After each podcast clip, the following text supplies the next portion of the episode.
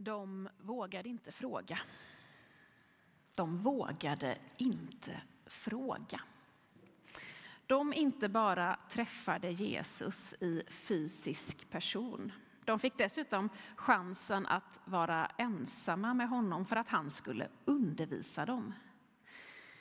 Ingen kunde haft bättre möjlighet att ställa alla de där viktiga frågorna till Jesus än vad lärjungarna hade där och då. Men de vågade inte. Varför? Varför vågade de inte? Var de rädda för att verka okunniga? Var de rädda för svaret? De som hade lämnat allt i sina liv för att följa Jesus. Men nu verkar någonting ha bromsat dem. Kanske var de rädda för vad det skulle kosta dem om de förstod allting som Jesus talade om. Kanske var det lättare att ta skydd bakom sin egen okunnighet och oförståelse. De hade förstås redan fått ta del av så mycket undervisning och det fanns säkert både sådant som de förstod och sådant som verkade svårare att greppa. Men när Jesus talar om sin kommande död så vågar de inte fråga vad det handlar om. Kanske anade de att det här var något sprängstoff utöver det vanliga, utöver vad de hittills hade fått höra och se. Och så vågar de inte fråga. Hur är det med oss? Hade vi vågat fråga? Om du hade träffat Jesus i fysisk person och fått möjlighet att ställa en fråga, hade du vågat ställa någon fråga? Och vilken fråga hade du ställt? När vi möter Jesus i dagens evangelietext så hörde vi att Jesus, Petrus, Jakob och Johannes kom tillbaka. De kom tillbaka från ett berg till de andra lärjungarna. Läser vi då lite tidigare i kapitlet så får vi höra att de kom direkt från härlighetens berg. Den här lilla utvalda skaran av lärjungar, inte hela lärjungaskaran utan en liten utvald grupp, de har fått följa med Jesus upp på förklaringsberget. Där har de fått se honom förvandlas inför dem. Och de har hört Gud, Faderns röst deklarera, detta är min älskade son, lyssna till honom. De har upplevt något långt utöver det vanliga. Men nu är de nere i vardagen igen, nedanför berget. Och de möts av en massa människor som tillsammans med de andra lärjungarna och några skriftlärda befinner sig i en diskussion. Jag tänker mig att det här inte var något lågmält samtal utan en ganska ivrig diskussion. De kastas med ens in i någonting som till synes är ganska långt från upplevelsen på berget. Och Jesus frågar, vad pratar ni om? Vad är det ni diskuterar? Och så är det någon i den här folkmassan i mängden som på något sätt kliver fram och vänder sig till Jesus med sitt problem. Någon som inte verkar dra sig för att våga fråga. Men det han ber om är inte någon förklaring eller utläggning. Han behöver hjälp. Han behöver hjälp av Jesus. Och han verkar inte låta någonting ställa sig i vägen för hans längtan efter att hans pojke ska bli botad. En pojke som verkar ha epileptiska anfall och som lider svårt av dem.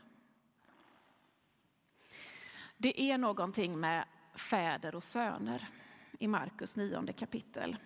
Fäder som på olika sätt liksom riktar blicken och pekar på sina söner. Först har vi fadern på förklaringsberget som låter sin son förhärligas och ger alla närvarande alla skäl i världen att våga tro och lita på att Jesus är just Guds älskade son och värd att lyssna på. Och sen några verser senare, nedanför berget, så är det återigen en fader som pekar på sin son, på sin älskade son och säger se hur han lider, hjälp honom.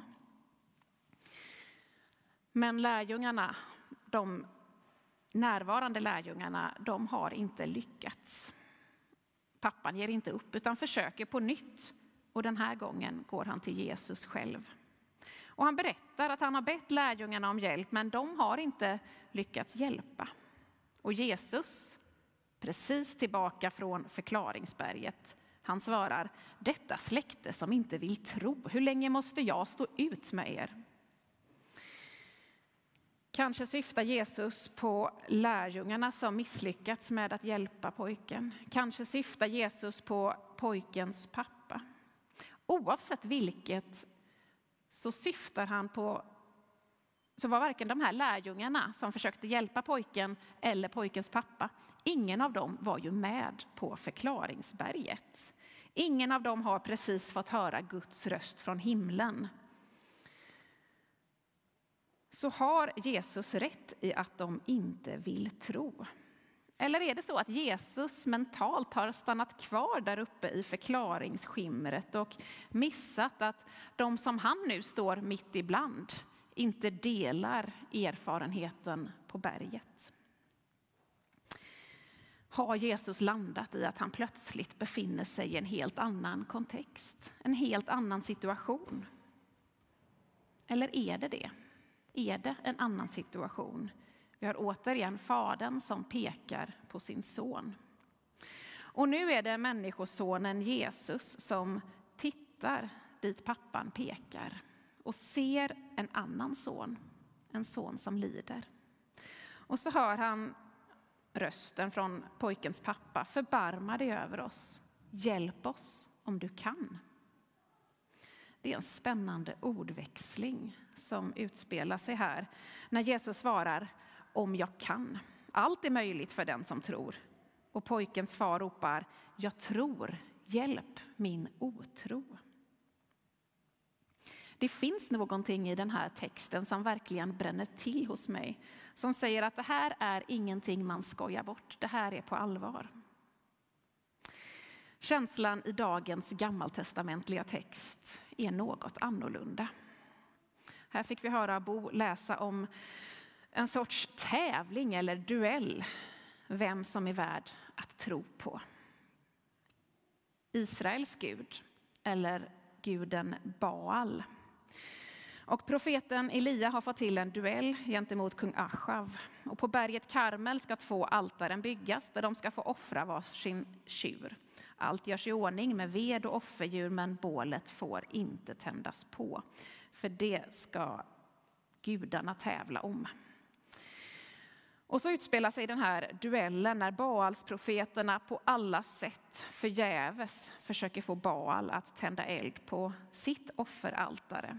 Medan Elia ber till Gud som genast låter elden flamma upp. Och vi hörde här i texten om hur Elia hånar Baals-profeterna när de kämpar på förgäves. Och det finns något komiskt tycker jag över den här situationen. Men mot bakgrund av andra texter i Bibeln som säger att vi inte ska sätta Gud på prov så känns det också lite märkligt. För det är nästan som om allting vore en lek. Och det känns som en sån kontrast tycker jag mot evangelietexten. Kanske hade pappan där också kunnat anklagas för att sätta Gud på prov när han ber om Jesus hjälp att bota hans son. Men tonen är en helt annan. Det är på allvar.